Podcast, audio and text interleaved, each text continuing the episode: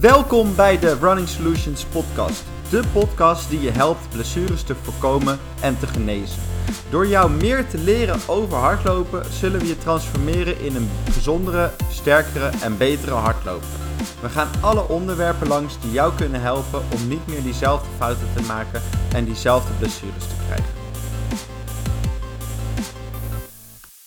Podcast nummer 14 in de Running Solutions podcastserie. Mijn naam is Jorin Kamps, eigenaar van Running Solutions. We houden ons voornamelijk bezig met de geblesseerde hardloper. Vandaag hebben we een onderwerp over trainingsleer. En daarvoor heb ik een gast uitgenodigd, namelijk Dennis Licht. Dennis is hardlooptrainer, voormalig topatleet. Hij is eerder te gast geweest in deze uh, podcast. En uh, vandaag hebben we met z'n tweeën een mooi onderwerp uh, bedacht om het eens over te gaan hebben met jullie. Namelijk periodisering. En dat is voor hardlopers denk ik enorm belangrijk. En Dennis begeleidt ontzettend veel lopers. En ik denk in die hoedanigheid is het mooi om hem hiervoor te gast te hebben. Dus welkom. Dankjewel. Dankjewel Jorin. Uh, heb je nog wat aan te vullen op, eh, op de introductie of zeg je, dit is duidelijk? nee, deze is helemaal duidelijk. Okay. Hartstikke leuk dat je dat zo, zo, vertelt inderdaad. Het klopt inderdaad dat ik heel veel uh, lopers uh, mag begeleiden. En dat is fantastisch om te doen. Van oud-atleet tot ja, nu eigenaar van mijn eigen bedrijf... waarbij ik nog steeds met de passie voor de loopsport aan de slag mag zijn. Ja, ja zo net als ik eigenlijk dagelijks in de loopsport sport bezig. Precies. Ja, waar jij de atleten voornamelijk helpt om beter, sneller, harder, verder uh, te lopen, hou ik me vooral bezig met de geblesseerde loper uiteraard. Ja, precies. Uh, nou, zo kunnen we mooi, mooi die samenwerking uh, oppakken. ja, periodisering. Dat is, een, dat is een complex onderwerp. We gaan het proberen makkelijk te maken. Um, waar, waar zullen we beginnen? Wat, wat is periodisering? Ehm, nou, periodisering is eigenlijk niets meer dan een, een, een plan hebben voor de lange termijn. En de lange termijn, dat vergt vaak heel veel geduld.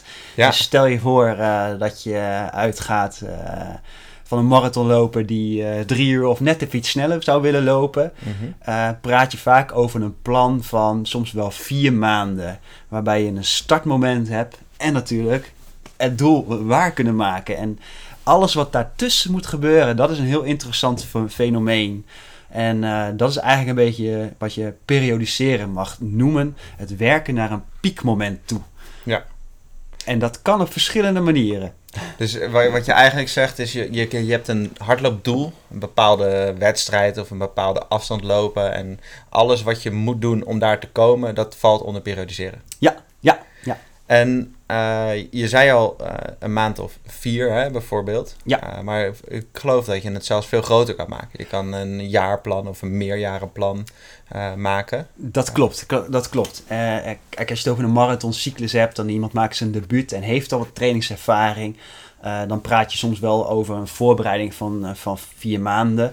Maar nu zijn er bijvoorbeeld geen marathons, hè, pas in het najaar. Dus je praat inderdaad over een langere cyclus. eigenlijk heb je als je het over periodisering hebt, uh, in een programma kun je bijvoorbeeld aangaan, uitgaan inderdaad van een meerjarenplan of een jaarplan. Dat is een beetje op meso-niveau uh, uh, dingen plannen. Dat kan bijvoorbeeld zijn iemand die regelmatig repeterende blessures heeft en dat, dat probleem eerst gaat tackelen voordat ze een trainingscyclus ingaan om, om, om zich voor te bereiden op een marathon. Het kan ook zijn dat je eerst een debuut moet maken op een halve.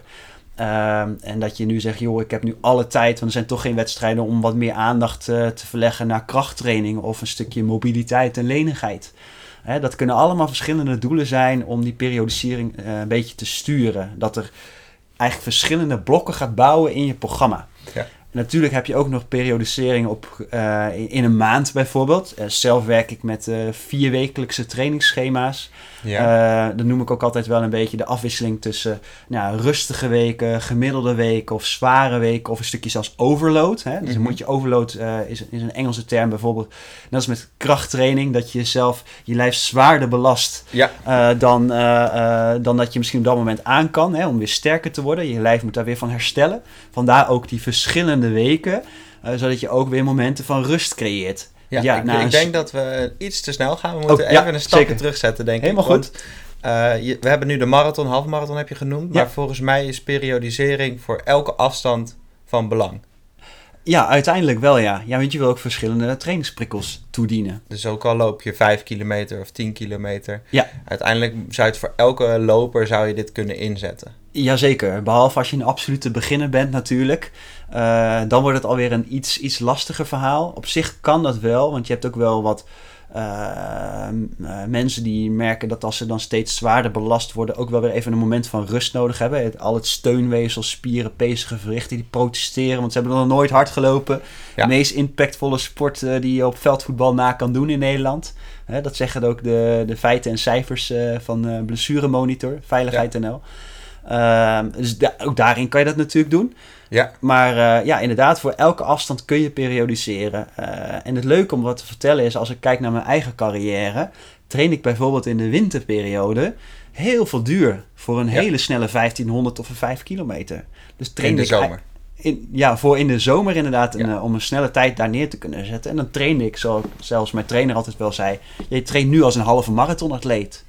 Om je, ja, je basis, uh, uh, je algemene basis te verbeteren. Dus dan was de aandachtspunt, het had een bepaald blok zeg maar, was oké, Dennis, jij moet proberen nu een zuinigere motor te creëren. Hè? En met die zuinigere motor, daar bouwen we dan een piek op.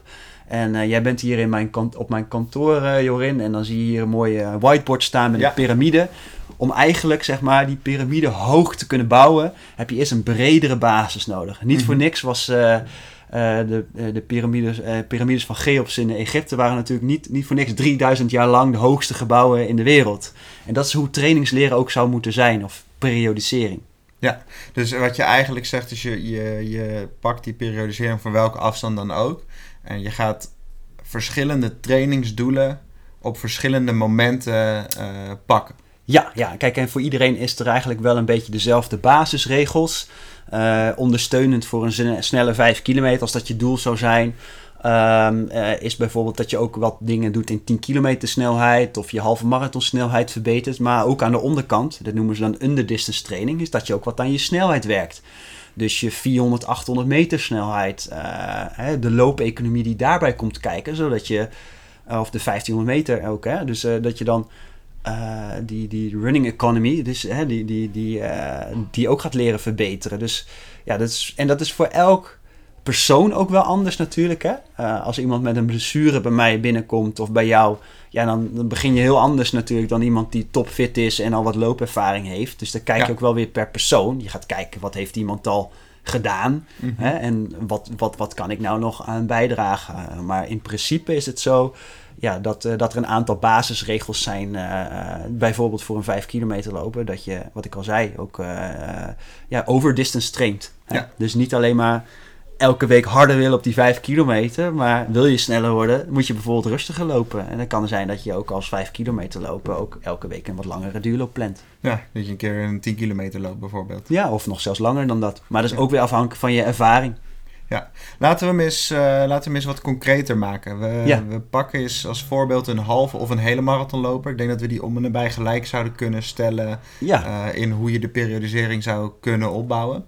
Uh, dus stel je voor, we hebben een halve marathonloper of een hele marathonloper voor ons. die zegt, ik wil sneller op die marathon of sneller op die halve marathon.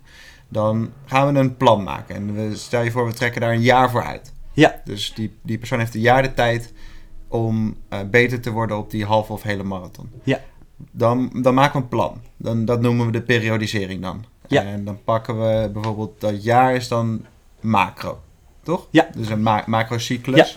Dat is in een jaar gaan we bepaalde doelen uh, stoppen die beter moeten worden voor die loper. Hoe zouden we dat doen? Goeie vraag. Ik zou zelf altijd met een goede intake beginnen. Hè, dat ja. uh, iemand uitvraagt van wat heeft iemand al gedaan? Mhm. Mm -hmm. Dat is één. En eventueel uh, een stukje medische voorgeschiedenis gaan bekijken. Dus of iemand uh, een bepaalde blessurehistorie heeft. vaak heb ik dat, hè. Dan zeggen mensen, ja, altijd als ik probeer voor die marathon te trainen, krijg ik weer last van die Achillespees. Nou, dat is voor mij al een trigger. Daar moeten we eens wat uit gaan zoeken. Waar komt dat dan vandaan?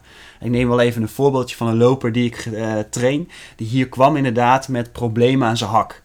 Uh, heeft stand van zijn benen, had het vaak mee te maken, maar ook onvoldoende kracht en mobiliteit rondom de heupen. Nou, dat was dus dat nummer 1, stond op prioriteitenlijst. Wil jij een goede marathon lopen, is dat prioriteit 1 wat we gedurende het hele jaar gaan doen. Krachttraining voor marathonlopers. Ja. Hè? En om meer vermogen te kunnen leveren. Nou, en Dus wat je, wat Ja. je zegt is, als je zo'n intake... dan vraag je uiteraard loopgeschiedenis, dat soort dingen uit. Maar Ja. eigenlijk wil je dus gaan kijken naar... Oké, jij beweegt op een bepaalde manier. Jij hebt kracht op, in die spieren wel of niet goed. Je bent misschien niet stabiel genoeg. Ja. Zeg maar, alle factoren die bijdragen aan... kun jij goed lopen... ja, die moet je eigenlijk in eerste instantie gaan uitzoeken. eh, voordat je goed kan starten aan zo'n plan. Precies, dus de randvoorwaarden creëren om uiteindelijk die, eh, dat, dat elke training straks een succes mag zijn. Want dat is het, hè? Je moet vertrouwen weer krijgen in je lijf. Dat was bij deze persoon ook. Ik vind dat leuk om als voorbeeld mee te geven. Want Mhm. er is wel echt heel veel mensen zullen zich daarin herkennen. Ehm, en uiteindelijk eh, zei- hij merkte hij al echt na wel twee, drie maanden echt een significante verbetering. Ging beter lopen, geen pijntjes meer. Eh, hij hoefde niet meer zijn duurtraining op de racefiets te doen. Hij kon weer echt lange duurlopen gaan doen. Dus dat was al een grote verandering, waardoor hij ook veel loopspecifieker kon gaan trainen. Want hij was belastbaarder geworden. Dus het- ehm, eh, daarnaast was het zo dat hij uiteindelijk ook zijn intervaltrainingen altijd kon doen. Op marathontempo, halve marathontempo, maar ook 10 kilometer, 5 kilometer snelheid. En dat was echt fantastisch om te zien. En eh, dus alle trainingsprikkels eh, waar hij behoefte aan had om sneller te worden, want dat was ook zo. En daar zijn we nu nog steeds mee bezig, omdat er geen marathons zijn. Want hij maakt nog steeds stappen. Hij is anderhalf minuut vooruit gegaan op de 10. Ja, Eh is ook iemand die onder drie uur op de marathon wil.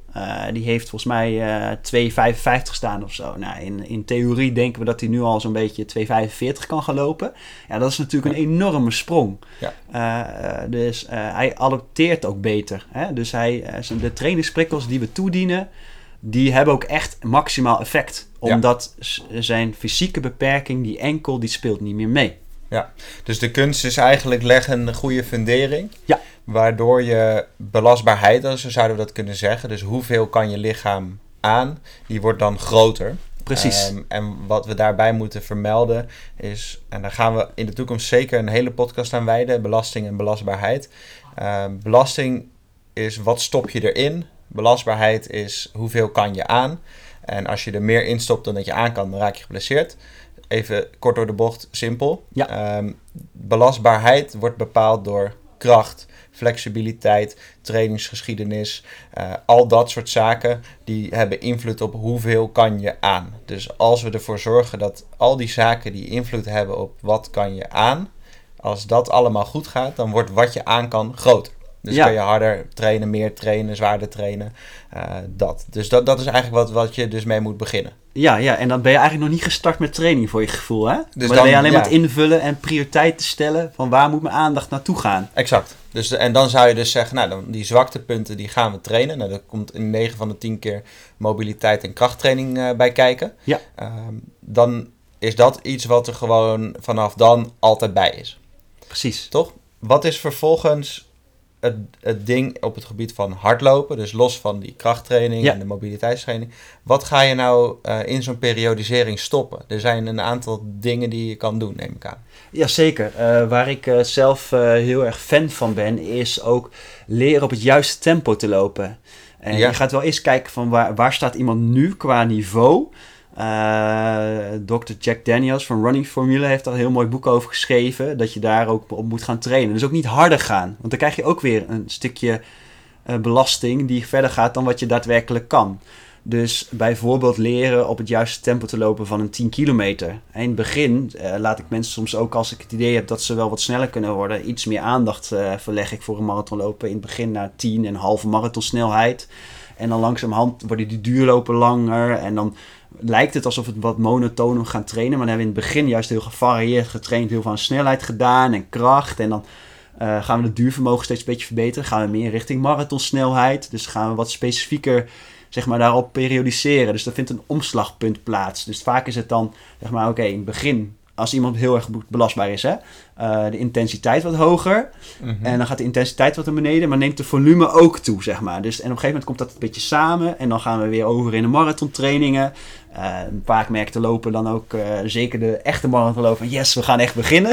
Ja, ja. Weet je, dan, en, en dan, maar dan gaan ze met een ja, wat een verbeterde snelheid die marathoncyclus in. Ja. En dat is altijd wel heel mooi, om dat op die manier ja, te periodiseren eigenlijk. Wat je, wat je eigenlijk zegt, en je, je gooit er een heleboel Ja. eh, eh, stukken van de periodisering al in. En Ja. ik denk dat we hem even wat concreter moeten krijgen. Is goed? Die, eh, je zegt eigenlijk, we beginnen met veel variatie, wat, wat intenser. Ja. Dat is dus blok 1 van die periodisering. Ja. Vervolgens zeg je, nou, dat volume moet daarna omhoog.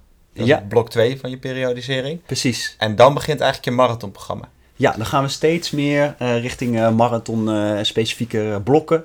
Ehm, dus eigenlijk in deel 3 misschien wel inderdaad, maand 3 slash 4. Eh, misschien wel maand 3, want je hebt ook een moment nodig dat je weer even wat gaat afbouwen hè, naar het piekmoment toe.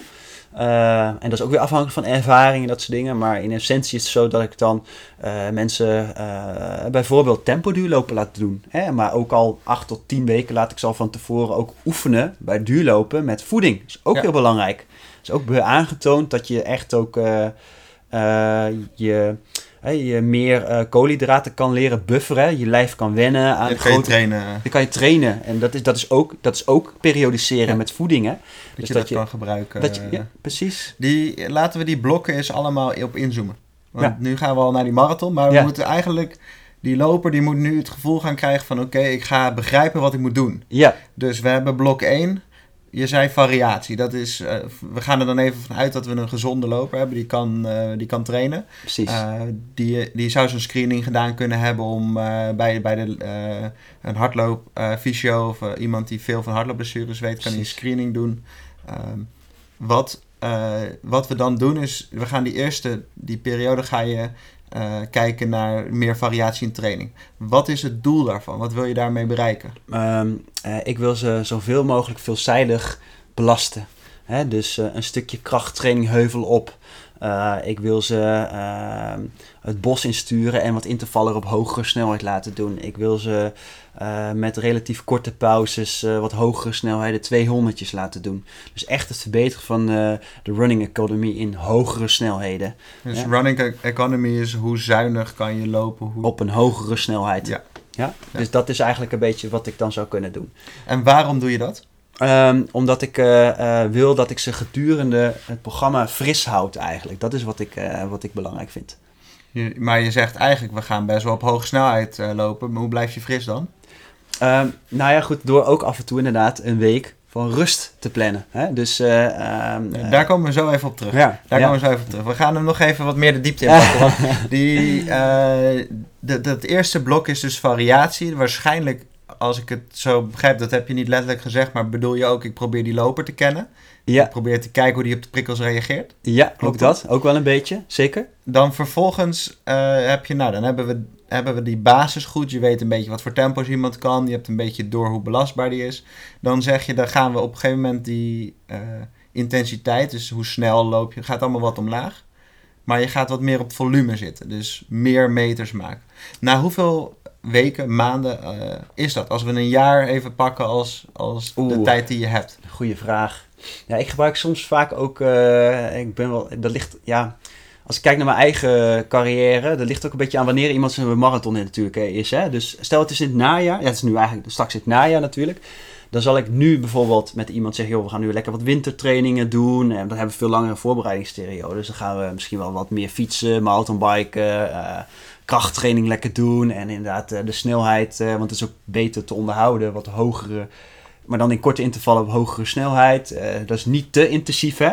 Ehm, maar dat je een beetje contact houdt met dat eh 5 kilometer en 10 kilometer snelheid. Want dan blijf je lekker lopen.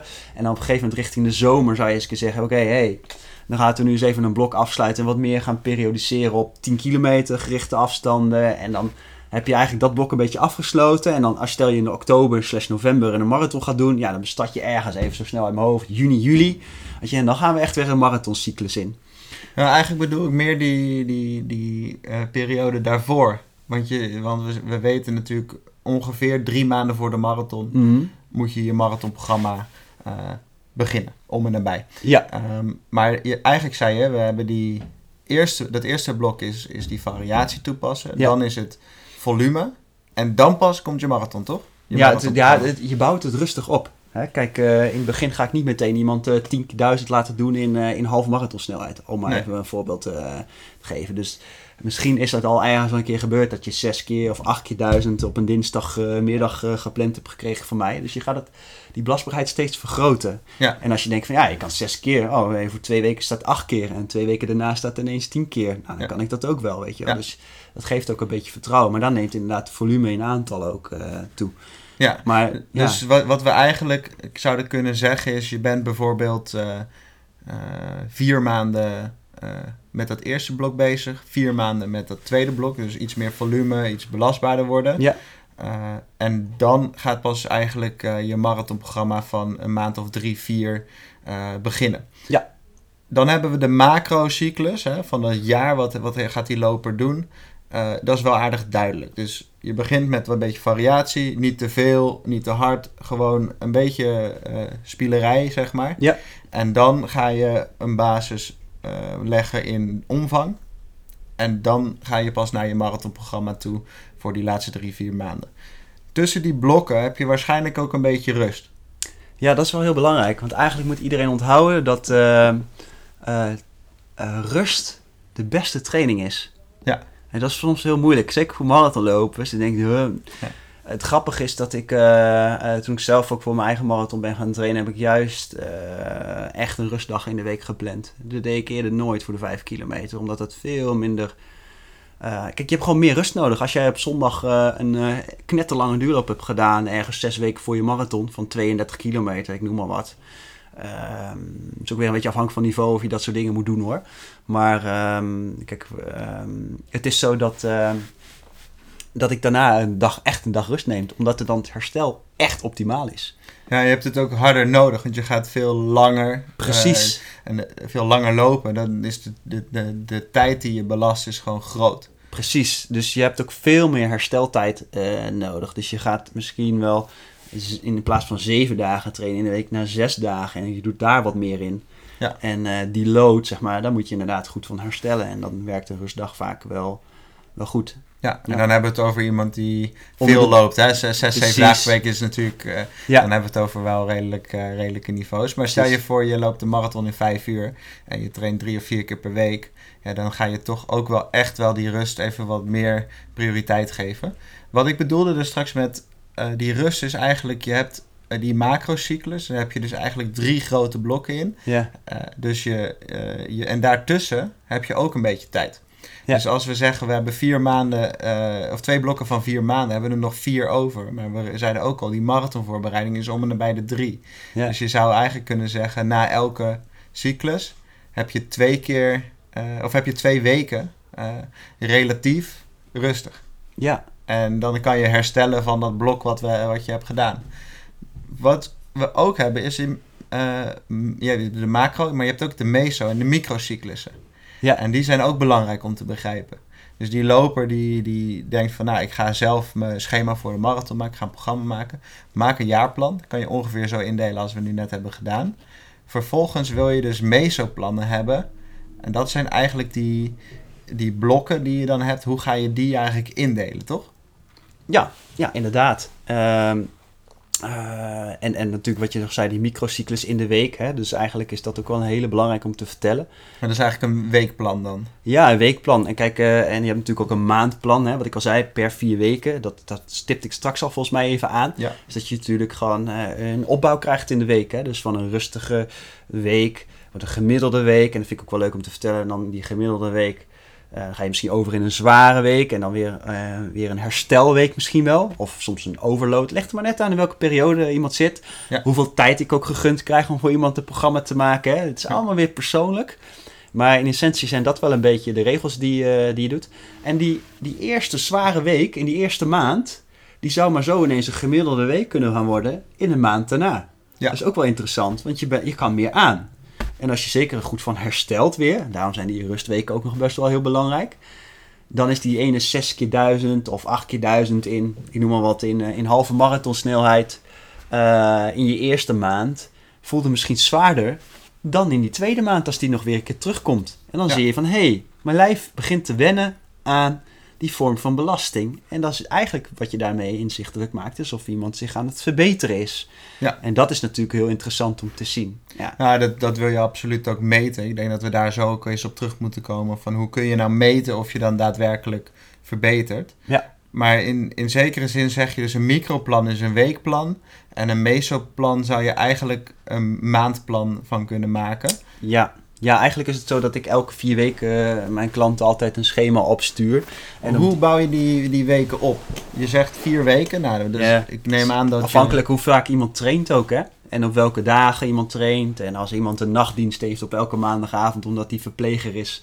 Ja, dan ga ik dinsdagochtend natuurlijk geen zware training plannen. Maar dat is al de microplanning. Maar Ja. de, de, de, zeg maar, als je een meso pakt, je pakt een maand, je hebt Ja. vier weken de training. Ja. Eh, is dat vier weken keihard? Is dat eh, twee weken eh, hard, twee weken rustig? Hoe ik, bouw je ik- dat op? Ik, ik tel altijd terug. En een loper die ziet het programma nu. Mhm. En ik kijk naar het einddoel. Van waar werken we naartoe? Ja.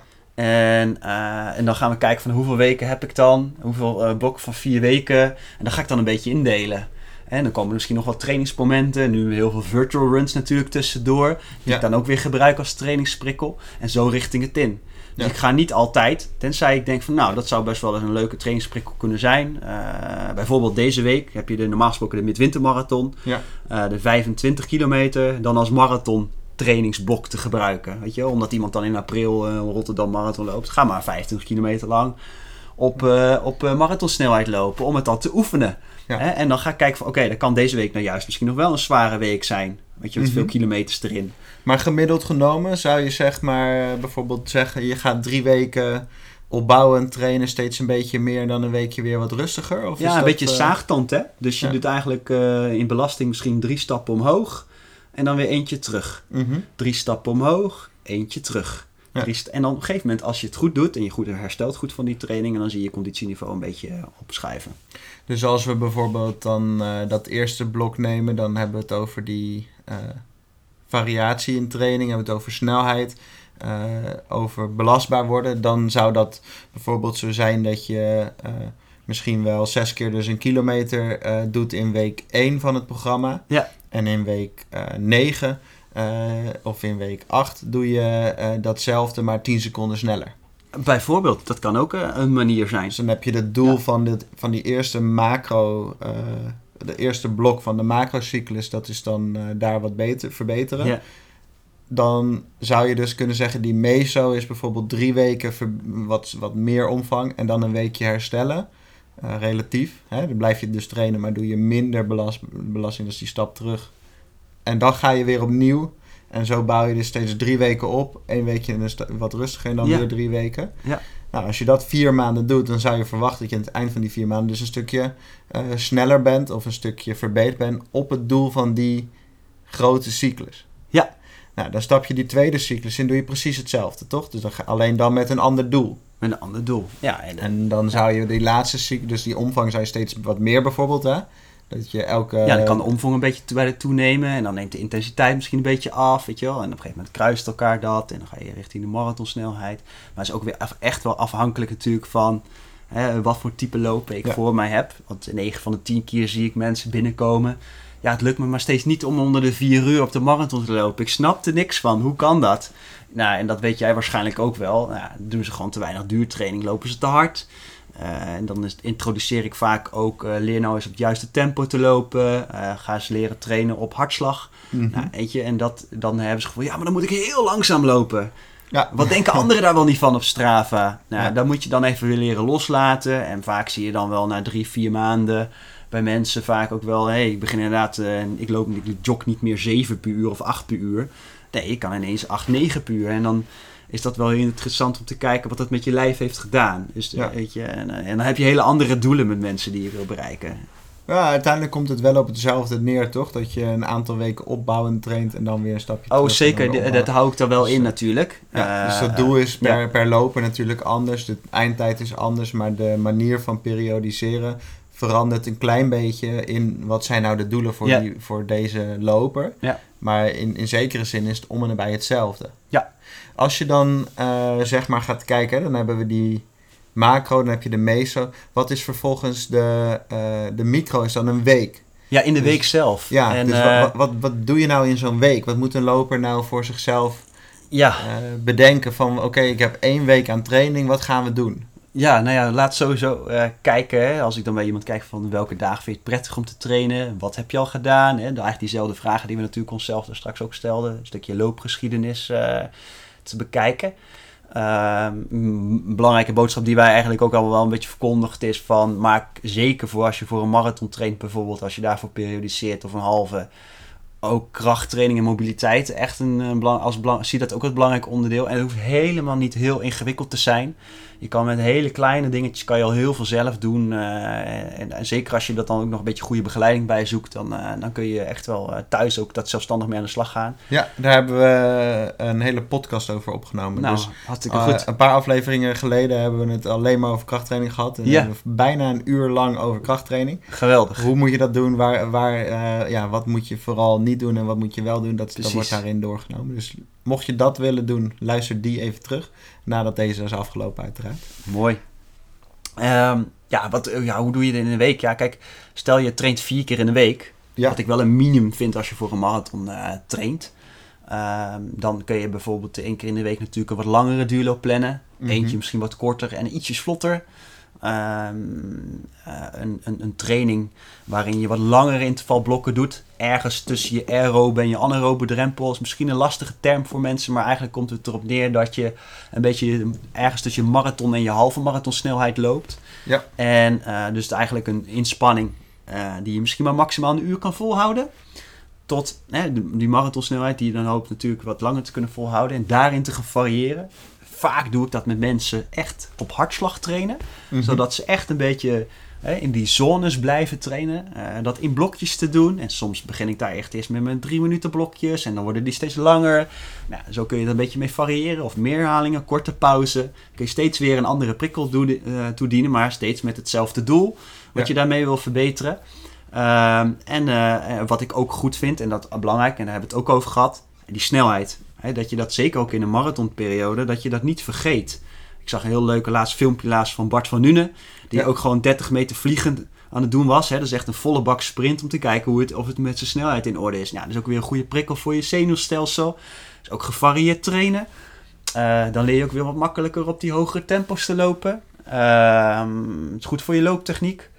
Ehm, nou goed, dat- je bijvoorbeeld 10 keer 200, ik noem maar even snel een, eh, een dwarsstraat, in, in je 5 kilometer snelheid gaat doen.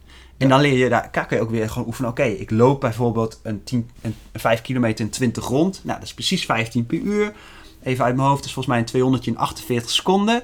Nou, ga dan ook die 200 in 48 seconden doen, maar niet in 40. Ja. Weet je, of, eh, en, en, of, of fluctueer dat niet te veel tussen 40 en, en 55 seconden. Maar leer gevoel te krijgen voor het tempo wat je dan daadwerkelijk normaal gesproken in zo'n 5 kilometer wedstrijd loopt. Ja. Weet je, de- dat zijn eh, een beetje de prikkels die je zou kunnen Dus je, wil eigenlijk verschillende soorten training in één week doen. Ja, En zou het dan zeg maar zo zijn dat je dan drie eh, weken lang daar best wel een beetje eh, pittig mee aan het trainen bent? Je doet, eh, je doet drie lange duurlopen, je doet drie korte wat snellere, je doet wat verschillende intervalvormen. Ja. Ehm, en dan doe je die vierde week, waarin we dus net al zeiden van nou, dat zou dan je rustige week kunnen zijn. ja. Dan doe je bijvoorbeeld precies dezelfde prikkels, maar minder of minder hard? Of hoe zou je dat doen? Eh, minder herhalingen bijvoorbeeld. Eh, of een, eh, training eruit gooien zelfs. Hè, Meer dus een- pauze misschien? ja, meer pauze. Dus dat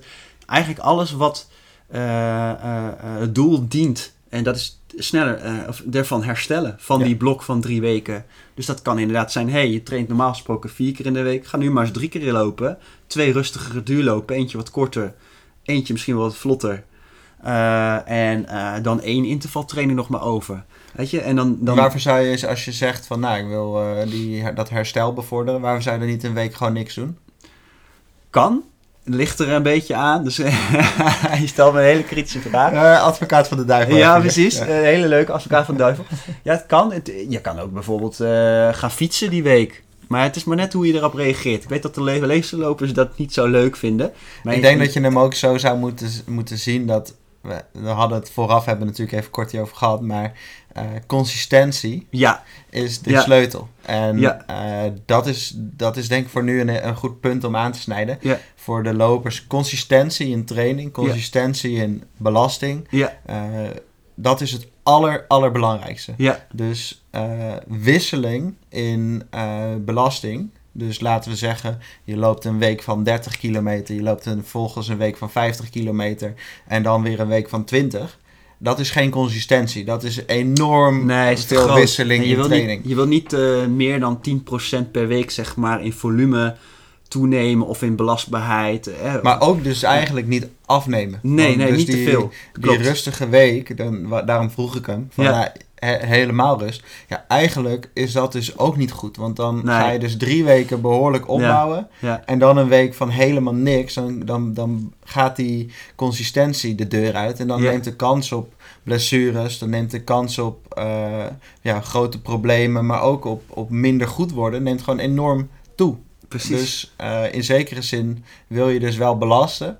Maar je wil de omvang of de mate van belasting wat verlagen. Zodat het voor jouw lijf op dat moment relatief rustig, voelt. Ja, Ja. klopt. Dus dat, Ja. dat, die consistentie is een sleutel, eh, sleutelwoord. Ja, Eh, en die moet je dus in je achterhoofd houden bij, de, bij een schema of bij het lopen voor Ja. pro- eh, ja, het Uit- maken van een periodisering. uiteindelijk is de gouden regel: het gaat niet om kwantiteit of kwaliteit. Het gaat uiteindelijk inderdaad consistentie en continuïteit. En dat is echt waar het om draait uiteindelijk. En eh, dat je ook op die dagen blijft trainen en dat het dan inderdaad rustiger mag. En Ja. eh, het leuke is van eh, sportrusten bijvoorbeeld, ja, even vogeltjes kijken. Dat Ja. vind ik een hele leuke. En zo is het ook gewoon. Genieten. Ja. Want daar gaat het uiteindelijk wel om. Plezier blijven houden. Exact. Is het zeg maar dan zo dat die consistentie door die week, ook al je maakt die week vier bijvoorbeeld van die, van die mesocyclus, die vierde week maak je dan rustiger. Maar juist door wel die drie of vier keer te blijven lopen, eh, dan eh, belast je je lijf wel. Je blijft wel constant die prikkeling geven. Maar doordat je dat minder eh, doet, dan kan je ook die drie weken daarna weer wat meer aan, zeg maar. En dat is, dat is zeg maar de sleutel die de loper echt voor zich moet houden. Liever een training wat rustiger of één training minder. Als je een klein pijntje hebt of Ja. als je wat vermoeid bent. Je hebt een harde werkdag gehad, je hebt veel stress. eh, nou ja, nu kinderen thuis, hè, niet naar school. Hartstikke Precies. druk in huis. eh, dat, dat, dat geeft stress. Het is dus eigenlijk helemaal niet zo erg om te zeggen... nou, we doen vandaag een training wat rustiger. Of ik sla er eentje over. Of Ja, ik doe vandaag in plaats van, eh, Ja. van vijf keer of zes keer een kilometer in, eh, in, in 4 minuten 30... doe ik hem in 4 minuten 40. Want ik was gewoon gestrest vandaag. En dan is dat tempo veel com- comfortabeler. Ja, en, en dan misschien ook weer een successtory. een succesmomentje wat je mag beleven. Dat je weer vertrouwen krijgt in je lijf. Dat is denk ik ook heel belangrijk. En eh, jezelf ook de rust en de ruimte geeft. En niet te streng en te trouw eh, je schema volgt. Maar dat je in gesprek blijft met je lijf. Ja, de kunst is denk ik om te zeggen: oké, ik voel vandaag dat ik dit niet kan, of dat ik dit wel kan, en daarop aan te passen. En dan is de, die piek in die training van dat moment is veel minder belangrijk dan het grote plaatje te zien. Dus liever regelmaat in je training hebben, regelmatig eh, de prikkels geven, maar ook op een gewoon een slechte dag doen we gewoon een keer een beetje minder. Precies. Ik heb er een heel mooi voorbeeld van. Eh, ik heb veel in Kenia gewerkt natuurlijk, zoals je weet. En eh, jij kent Zonder Moon, denk ik ook nog Ja, wel. zonder, ja, ja. Dat is, eh, ook met hem getraind. Dus, voor degenen die hem niet kennen, dat is eh, een Noorse eh, marathonloper. En die is voormalig Europees recordhouder. Heeft, als ik het goed zeg, 2.448 op de marathon. Of 2.548. Ik weet eh, niet. 2548. Dus een toptijd in ieder Ja. En eh, nou, ik heb met hem ook eh, gewerkt eh, om te zorgen dat hij niet geblesseerd raakt, zeg maar. Nou, dat, dat- hij heeft heel hard gelopen. Ehm, het, wat hij doet, en dat vond ik mega interessant, hij traint dus op het allerhoogste niveau. En heeft een aantal prikkels in de week in dat microplan dus, wat hij, wat hij moet volbrengen. Dus bijvoorbeeld een snelle interval of een bepaalde duurloop. Of, en de rest van de week is wel wat uitgeschreven. Hè? Dus hij weet ongeveer wat hij moet gaan doen. Maar het is niet een keihard schema. Nee. Er staat in zijn schema niet maandag doe je dit, dinsdag doe je dat, donderdag doe je dat. Daar staat gewoon training 1 is deze prikkel, dat is een belangrijke sessie. Training 2 is een belangrijke sessie. En daartussen doe je ongeveer dit. En wanneer je die training doet, maakt eigenlijk niet uit. Het gaat vooral om dat je voldoende hersteld bent van die vorige sessie. Mooi gezegd. Dus wat, wat hij doet, is, dat is heel gaaf. Hij heeft bijvoorbeeld op maandag een echt zware training. En dan staat er voor donderdag, of vrijdag, of zaterdag. En dan maakt dan eigenlijk niet zoveel uit, staat die volgende sessie gepland. En wat hij dus doet, is hij, hij zegt gewoon: Ik wacht tot mijn lichaam klaar is om weer hard te trainen. En ook al staat hij op donderdag en voel ik me dus niet goed, dan gaat hij gewoon naar vrijdag. En als ik me vrijdag dan nog niet goed voel, dan kan hij nog een dag opgeschoven worden. En dan traint hij wel natuurlijk die andere dagen en dan doet hij wel van alles. Maar hij, hij doet niet die zware specifieke training. En ik denk dat de lopers op uh, lager niveau, uh, dus de recreatieve sporter, maar ook als je drie uur of uh, tweeënhalf uur wil lopen, dat in je achterhoofd moet houden van, ja, we trainen hier natuurlijk heel structureel, elke week op de atletiekbaan of bij, de, bij de loopgroep. Ja, als je je niet goed voelt, doe gewoon een beetje rustiger. Ja, mooi dat, gezegd. Dat, is denk ik een sleutel om die consistentie te pakken. Mooi om mee te eindigen misschien wel. ja. ja, daar zijn we er denk ik wel. Behalve dat we nog niet weten hoe we dat nou moeten meten. Ja, nou ja, het leuke is, uh, trainen op hartslag is natuurlijk wel een hele mooie. Het, is een, het geeft directe feedback mm -hmm. tijdens de inspanning, maar ook daarna. Dus je kunt de data goed inlezen. bij voorkeur altijd een hartslagmeter band dragen en geen optische sensor op je, op je pols. Ik heb de allereerste modellen in Nederland ooit, zo, toen deze heel geheim over wie dat dan had gemaakt en zo, mogen testen op Papendal. En ik, ik, ja, voor de meeste mensen werkt het gewoon onvoldoende, ook in vorm van intervalstijl. Dan krijg je niet genoeg snel feedback. Uh, je kunt het testen met uh, bijvoorbeeld een, uh, een lactaatdrempeltest op een loopband in een sportmedisch centrum. Je kan het ook zelf doen in de vorm van een veldtest. Of onder begeleiding van een coach. Dus dat je verschillende trainingszones gaat lopen. Daarbij je hartslag afmeet op een vast parcours. een beetje dezelfde omstandigheden probeert te creëren. En dat je zegt van oké, ik ga nu, noem maar wat, hartslagzone 3 lopen. en dat doe ik zes minuutjes lang. En dat doe je in week 1. En dat doe je een keer in week 8 en een keer in week uh, 15. Ik noem, het wat, noem maar wat. En kijk van, heb ik nou progressie daar geboekt? Is mijn uh, uh, aerobe drempel die daar ongeveer ligt, zeg maar. Uh, dus per persoon een beetje verschillend. Wel wat exact de hartslag daarbij is. is die nou verbeterd of niet? Hè, moet er nog meer aandacht naar uit? of de rustige duurloop, hè, dat je een bepaald hartslag daarbij hebt. En dat dan steeds, dan kan je dan mooi voor jezelf gaan vergelijken. Ja. Dat is wel heel erg, heel erg waardevol. Dus je zou bijvoorbeeld kunnen zeggen, als jij die lange duurloop doet of je doet je tempoloop uh, op een bepaalde hartslag. Ja. Dus laten we bijvoorbeeld, uh, nou stel je voor dat is 150 voor iemand. Ja. Die loopt 10 per uur op hartslag 150. Ja. ja. Maar drie maanden later loopt die 11 per uur op 150. Ja, nou bijvoorbeeld, dat is dat... natuurlijk mooi. En dat is wat je wil zien. En dan denk je, oh, ik heb inderdaad veel aandacht besteed aan de rustige duurtraining. In overleg met mijn coach, want dat was mijn minder sterke punt. En dan krijg je ook dat vertrouwen erin dat je ja, je cardiovasculair systeem, je basis, je fundament echt wel verbeterd is. En dan kan je er weer een mooiere piek gaan bovenop bouwen. Ja. En uh, nou, vaak zie je dat ook in hersteltijd terug. Uh, het is ook een natuurlijke uh, gas- en rempedaal, zo'n hartslagmeter. Dus dat werkt heel goed. Maar het zegt ook iets over je lijf een beetje overprikkeld is als je een zware trainingsdag hebt gehad. Hè, dus je parasympathisch systeem is misschien wel een beetje overprikkeld.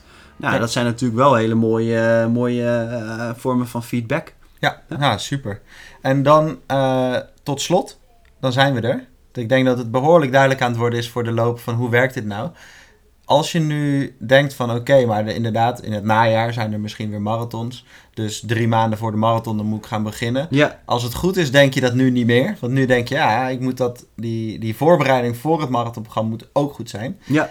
Um, hoe kunnen ze jou nou bereiken om dit uh, uh, voor hun of met hun te doen? Nou ja, ze kunnen mij e-mailen of bellen op mijn website dennislicht.nl. En dan uh, kunnen ze altijd een vraag stellen of even het contactformulier uh, invullen en als ze daar vragen over hebben. Ik heb er ook een blog over geschreven over trainen op hartslag. Ja. Google maar goed te vinden. Dus als ze daar uh, zoiets hebben van, nou, ik vind dat wel interessant of ik wil eens een keer een testje doen om inderdaad misschien wel je maximale hartslag te meten of wat dan ook. Dan zijn mensen altijd welkom om, om langs te komen. En als je dus een najaarsmarathon wil doen, is nu het moment. toch? Eigenlijk wel, ja. Zeker. En we hebben het dan nu over februari. We zitten begin februari. Dus Ja. als je dit later terugluistert, dan is het natuurlijk een ander verhaal. Maar begin februari, eh, als je nu dit jaar 2021 Ja. een najaarsmarathon wil doen. Dan zou je er nu al mee aan de slag kunnen gaan zeker als je bepaalde prioriteiten hebt, omdat je altijd maar net niet verder door een blessure bijvoorbeeld verder komt dan die halve marathon of 10 kilometer. En je hebt die droom die je wilt waarmaken. Ja, laat eh, een van ons eh, daar eh, in meedenken en kijken. Top. Nou, hartstikke dank. bedankt voor je tijd. En eh, dan eh, tot de volgende. Tot de volgende. Bedankt voor het luisteren naar de Running Solutions podcast. Heb je vragen naar aanleiding van deze podcast of zijn er onderwerpen die jij graag besproken zou hebben in de toekomstige podcast? Laat het ons dan vooral weten. Dit kan je doen door te e-mailen naar Running Solutions of laat even een comment achter onder de Apple Podcast, eh, in Spotify of de andere podcast services waar we te vinden zijn.